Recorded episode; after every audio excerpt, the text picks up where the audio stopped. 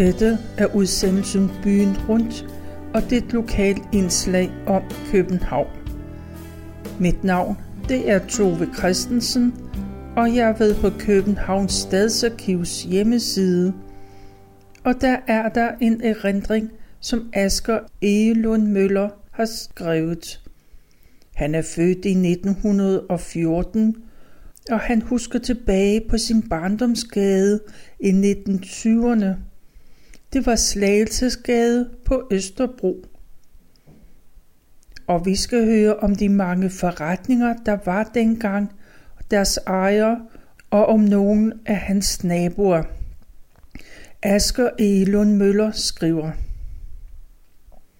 I smørbrødsforretningen i den høje stue i Slagelsesgade i nummer 3, der på den slanke dame med de røde hænder og de store hvide forklæde holdt rede på sine kunders rang og stand. I den samme ejendom var der også en skomager og en glarmester, som kaldte sin butik for en rammeforretning. I naboejendommen havde cigarhandler Bastian til huse.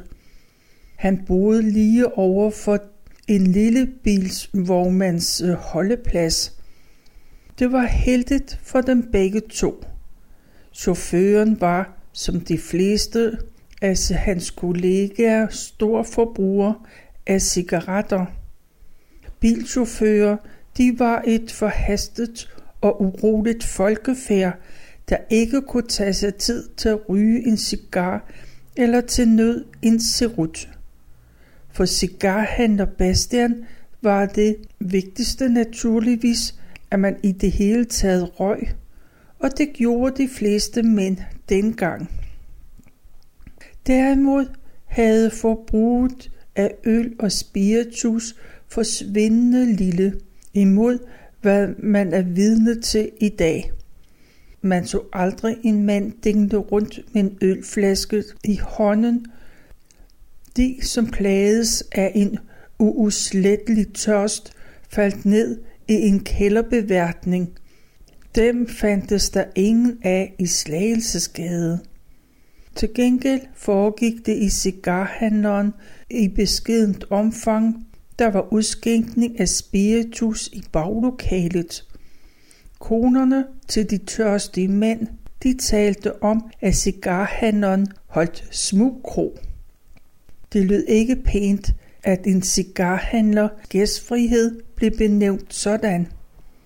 For øvrigt kunne man måske slet ikke eksistere uden den bifortjeneste fra bagbutikken. Der var alt for mange cigarforretninger på Østerbro.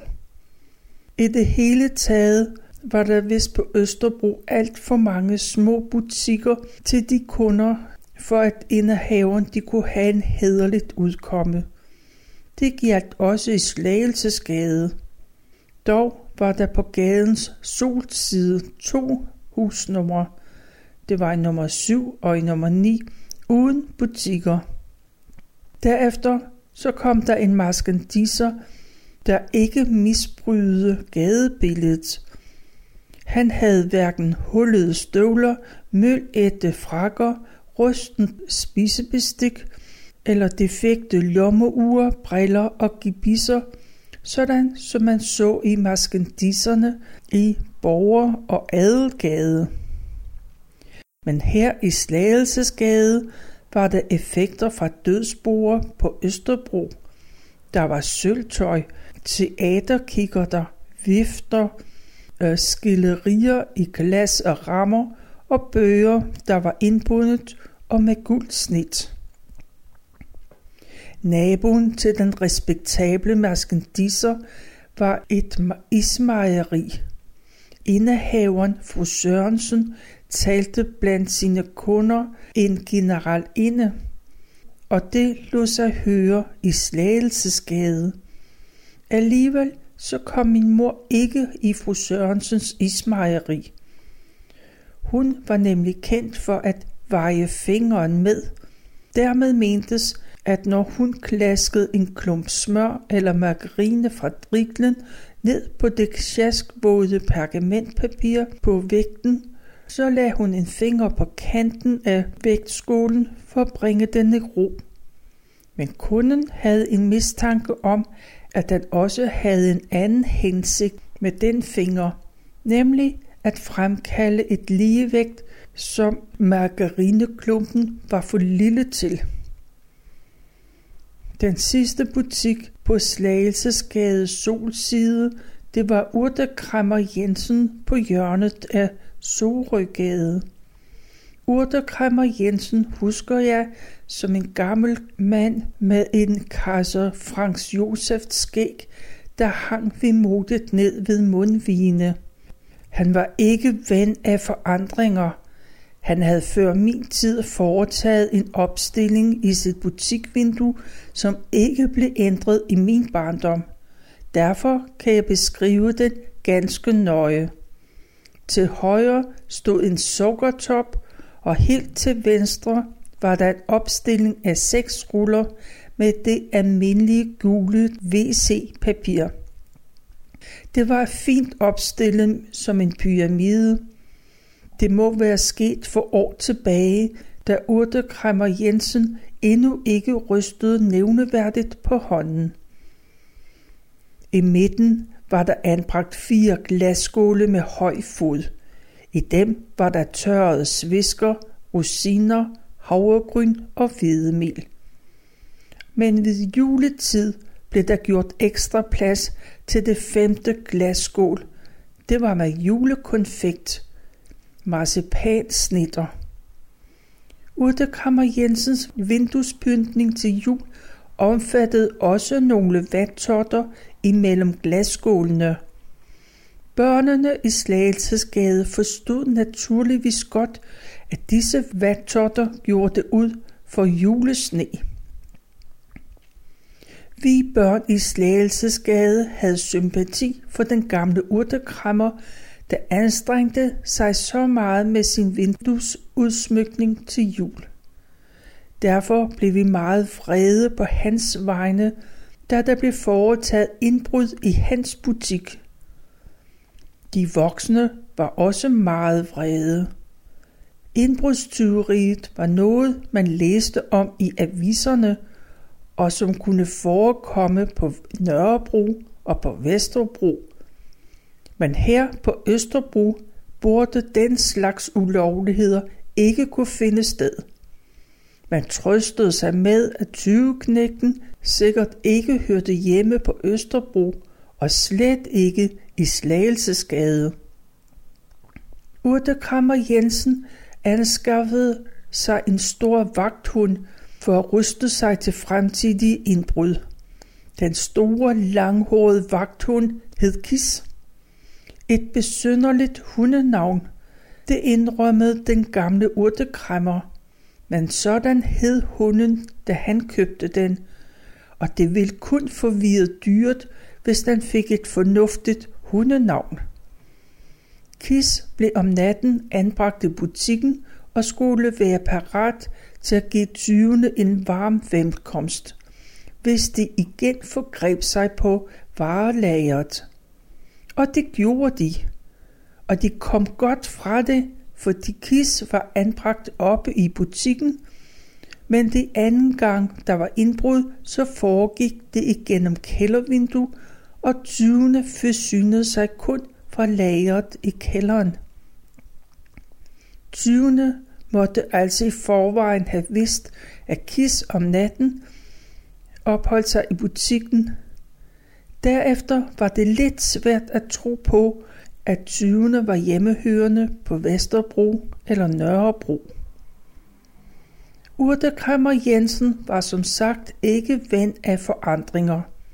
Det blev man også klar over, når man hørte ham tale om de unge fagfælder, der gik nye veje.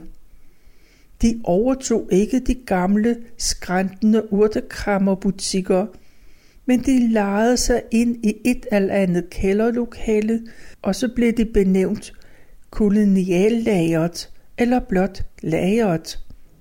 Varerne blev så vidt muligt stillet op ude på fortorvet i pap- eller paprikkasser, hvor de løsgående hunde kunne snuse til dem eller gøre det, der var værre.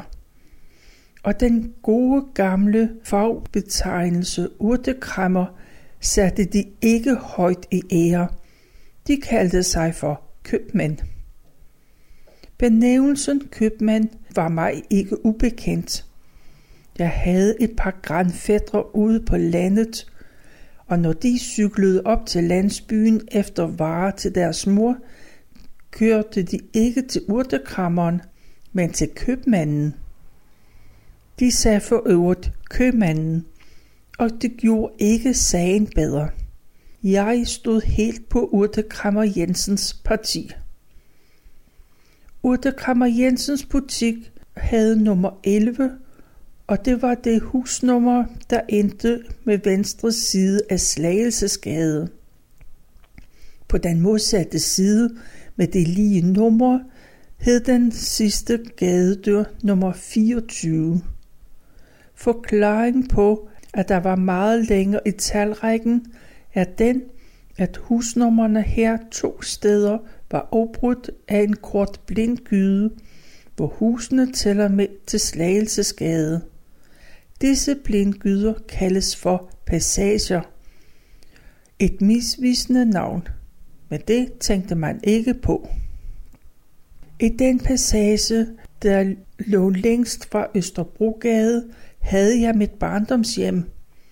Det var et ret stort, men meget mørkt første salgslejlighed. Stuerne fik aldrig et solstrejf, og jeg kom til at tænke på den dystre lejlighed, da jeg mange år senere læste hos Søren Kirkegaard. Og han har skrevet, for solen stråler ikke når hen, der når tonerne. Mit værelse er mørkt og skummelt. En høj mur holder næsten dagens lys borte. Det må være i nabogården, formentlig en omvandrende musikant. Hvad var det for et instrument? En rørfløjte måske? Hvad hører jeg? Minuetten af Don Juan. Den musik, jeg i min tidlige barndom hørte, var ikke fra en rørfløjte, men fra en lirkasse. Hver uge kom lirkassemanden en formiddag og spillede i gården. Køkkenerne vendte ud imod gården, og der opholdt konerne sig. Det var deres gavmildhed, at lirkassemanden levede af. Når han havde spillet lidt, blev køkkenvinduerne åbent, og der blev kastet fem øre ned. De var indpakket i avispapir. Småbørnene, som ikke havde nået den skolepligtige alder og derfor var hjemme om formiddagen, de var lirkassemandens mest trofaste tilhører. De løb rundt og samlede pengene op og lagde dem i lirkassens låg. Låget var beklædt med sort voksdu. Lirkassemanden hilste med sin kasket op imod køkkenvinduerne. Kasketten var sort med blank skygge. Mens han hilste, drejede han håndsvinget med venstre hånd. Og hvad spillede han så? Ikke Mozart, som Søren Kierkegaards musikant med rørfløjten, men det var revyviser, såsom Hør dukke Lise. Når Lierkassemandens formiddagskoncert i gården var afsluttet, løb hans trofaste tilhører igennem kældergangen ud til passagen. Her var der med kridt tegnet hinkeruder på fortovsfliserne. Det var de store pigers værk, men de var i skole nu og småpigerne kunne derfor roligt tage hinkeruderne i besiddelse og efter evne hoppe rundt med deres hinkesten. Nogle af småpigerne havde også bolde, men det var de gammeldags kludebolde. På grund af krigen var gummibolde sjældne. Nogle af de store bier besad sådan en sjældenhed, men den udlåntes kun til jævnaldrende eller ældre veninder. Småbierne, de måtte nøjes med de bolde, som bedstemødrene fremstillede. Det var efter en gammel opskrift, der var bygget op om en korkprop i midten. De var brugbare, når det drejede sig om at gribe og kaste. Men de kunne ikke, som de fine gummibolde, hoppe op igen, når de blev kastet imod fortorvsflisen. Men uanset boldenes kvalitet, kunne de ikke komme rigtigt fart i lejene i passagen, før de store børn kom hjem fra skole. Og de organiserede lejene, og de små børn, de fik også nogle gange lov til at være med. Men de måtte nøjes med at være med som tilskuere, når de store piger, de byttede glansbilleder eller legede med nipsenåle på fortorvet efter sindrige regler. Drengene spillede med lerkugler i forskellige farver. Tidligere havde man brugt janter. Det var en slags tarvelige blyknapper. Men omkring 1920, der kendte man kun janterne af omtale. Måske var det manglen på metal under 1. verdenskrig, der var skyld i den forsvinden.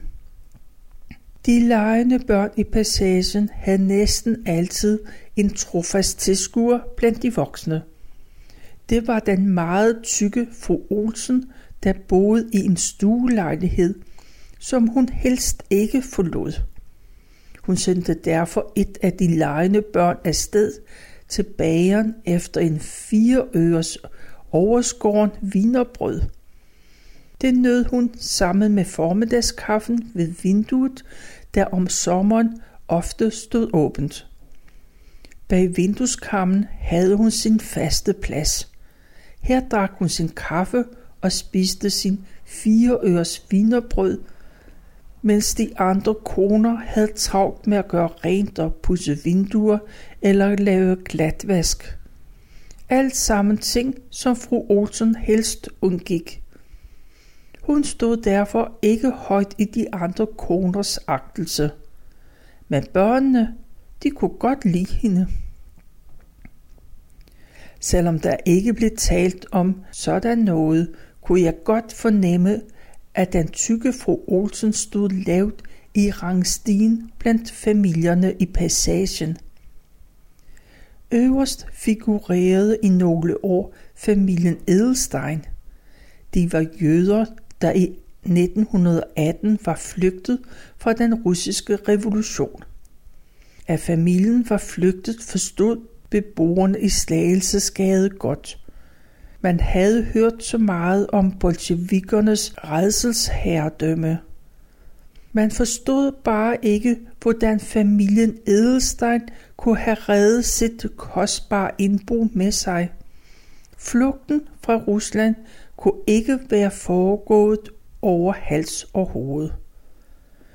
Konerne i passagen måtte dog tæmme deres nysgerrighed. Fru Edelstein fortalte ikke noget.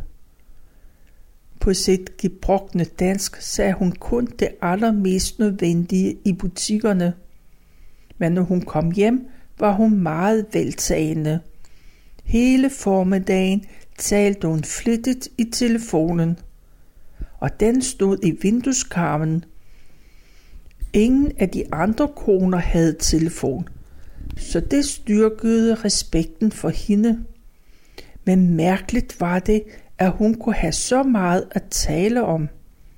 Efterhånden opstod der en mistanke hos nabokonerne, nemlig at fru Edelstein, at hendes lange samtale var det rene humbug. Hun stod og talte med sig selv. Hun ville ikke, som den tykke fru Olsen, nede i stuen, sidde med sin kaffekop og glo ugeneret ud på gaden.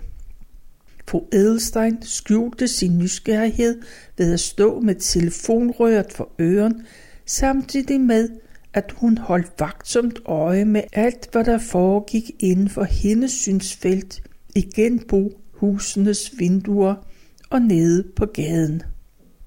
Sympatien for fru Edelstein blev efterhånden ret behersket. Men helt ødelagt for familiens omdømme blev en oplevelse, som en taxachauffør i passagen kunne melde om til sin kone, og dermed til alle koner i passagen. Taxachaufføren var inde i København, var blevet hyret af en direktør, som han straks genkendte. Det var herr Edelstein, der på gebrokken dansk bad om at blive kørt ud til lange linje. Her lå et russisk krigsskib. Det var det første russiske flådebesøg efter krigen, og københavnerne viste krigsskibet demonstrativt ringe interesse. Mindet om mordet på zarfamilien og bolsjevikernes mange blodige ugerninger stod endnu i frisk erindring. Det var kun syndikalisterne og anarkisterne, der betragtede det russiske krigsskib med venlige øjne.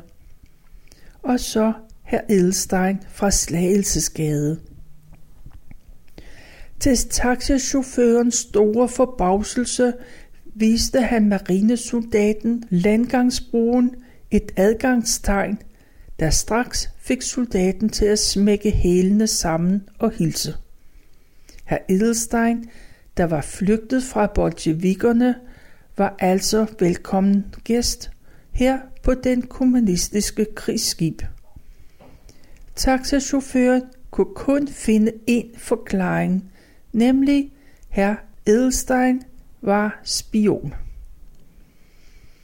Og familiens omdømme blandt passagens beboere led alvorlig skade af taxamandens beretning. Og i samme ejendom, så den russiske spion, boede der en meget agtværdig gammel kaptajn. En hvidskægget olding, der hver aften gik en kort tur efter at han havde lukket sin gråstribede stuekat ud. Den løb ind imellem nogle mistrøstiske tjuer. De voksede midt i passagen bag et stakit. Og katten løb, mens hans herre støttet til sin stok gik ud af Slagelsesgade. Han hilste venligt, men indlod sig sjældent til i samtale. Måske fordi han havde gjort den erfaring, at folk gad ikke høre, hvad han kunne fortælle. En undtagelse var min far, der gerne hørte den gamle kaptajn fortælle om krigen i 1864, da han som ung løjtnant havde været med i den trøstesløse tilbagetog fra Dannevirke til Flensborg og videre til Dybøl. Det var ham en stor skuffelse, at Flensborg ikke var blevet dansk ved afstemningen i 1920. Den gamle veteran havde en god tilhører og meningsfælde i min far. Og det var altid krigen i 1864, de talte om. Når jeg i dag tænker tilbage på Slagelsesgade i 20'erne, undrer jeg mig over de mange små butikker, som den ret korte gade dengang husede. Det drejede sig om mere end 20, og det var butikker, der fungerede. De holdt åbent fra klokken 8 om morgenen og til klokken 6 om aftenen. Om lørdagen lukkede de først klokken 9. Ismejeriet og bagerforretningen åbnede dog allerede klokken 7 om morgenen. I dag er næsten alle de mange butikslokaler livløse. Enten bruges de til oplagring til depoter, eller de rummer antikvitetsforretninger, der normalt holdes lukket. For husejerne er butikslokalerne et problem. I 1920'erne kunne alt udlejes, Selv i den blindgyde, hvor jeg havde mit barndomshjem, var der butikker. Der var en rulleforretning i den høje stue og en dyb kælder, der var aldeles uegnet til butik. Der havde en brændselshandler indrettet sig. Stentrappen ned til hans kælderbutik var så stejl, at de koner, der var dårligt til bens, og det var de fleste, de vågede sig ikke derned. Når de skulle bruge en flaske petroleum eller et bundt optændingsbrænde, så blev de stående oven for den stejle trappe og råbte Lyngård. Så kom indehaveren, herr Lyngård, frem og bragte de ønskede varer op til kunden. Herr Lyngård var en ældre mand, der talte en jysk dialekt, som han måske selv var glad for, men den gjorde ham utroværdig i kundekredsen. Han blev mistænkt for at være bundesnu og snyde på vægten, når en kone skulle have en spand kul til vaskekedlen. I butikslokalet ovenover Lyngårds brændselsforretning, der herskede rullekonen. Man så hende altid med nystrøget stort hvidt forklæde. Alt det indleverede rulletøj blev behandlet med ubeklagelig omhu. Den flittige og brugbare rullekone nød almindelig anagtelse blandt gadens beboere. På væggen i sin rulleforretning havde hun en stor plakat fra et af de mange teatre på Frederiksberg. Hun fik to fribilletter for at hænge plakaten op. Men hun og manden, der kørte taxa, var trætte om aftenen, så de havde kun én gang overkommet at gøre brug af fribilletterne. I min barndoms passage, der var flankeret af to hjørnebutikker. På den østlige hjørne en ret stor manufakturhandel, og den vestlige en viktualie handel. Fra viktualieforretningen bredte der sig tit en dejlig duft af biksemad eller andre kødretter med stegt løg. Viktualiehandleren holdt middagsbord for pensionærer mellem kl. 12 og 1. Hver dag kom nogle unge mennesker, der stillede deres cykler op ad den stakit, som indrammede de mistrøstiske tyvjære. Og så gik de målbevidst ind til den varme mad hos Victualiehandleren. Jeg ved ikke, hvor de kom fra, men i de kontorer eller butikker, hvor de arbejder, har man således respekteret deres provinskik, at man skulle have varm mad ved tolvtiden. Det var ikke bæksemad hver dag. Om tirsdagen serveres fisk. At skaffe fiskene kunne ikke volde vanskeligheder, for der lå en fiskehandler som nabo til Victualiehandleren. Fiskeforretningen var altid velforsynet. Her kunne man følge årstidernes skiften fra de første forårsbebuder, de hæslige stenbider, til hornfiskene, rødspætterne og de fede høstsild. Om efteråret sælges der også fasaner og harer. Det gjorde mig ondt for harerne, de hang op ad husfacaden med brustne øjne. De kom ind mere ved end fiskene og fuglene. Ved siden af fiskehandleren lå en grønthandler, som ikke havde min mor til kunde. Mor foretrak en anden grønthandel længere oppe ad Slagelsesgade, nær Østerbrogade. Jeg ved ikke hvorfor. Og det var så meget, jeg nåede at læse fra Asger Elunds Møllers Barndomsgade.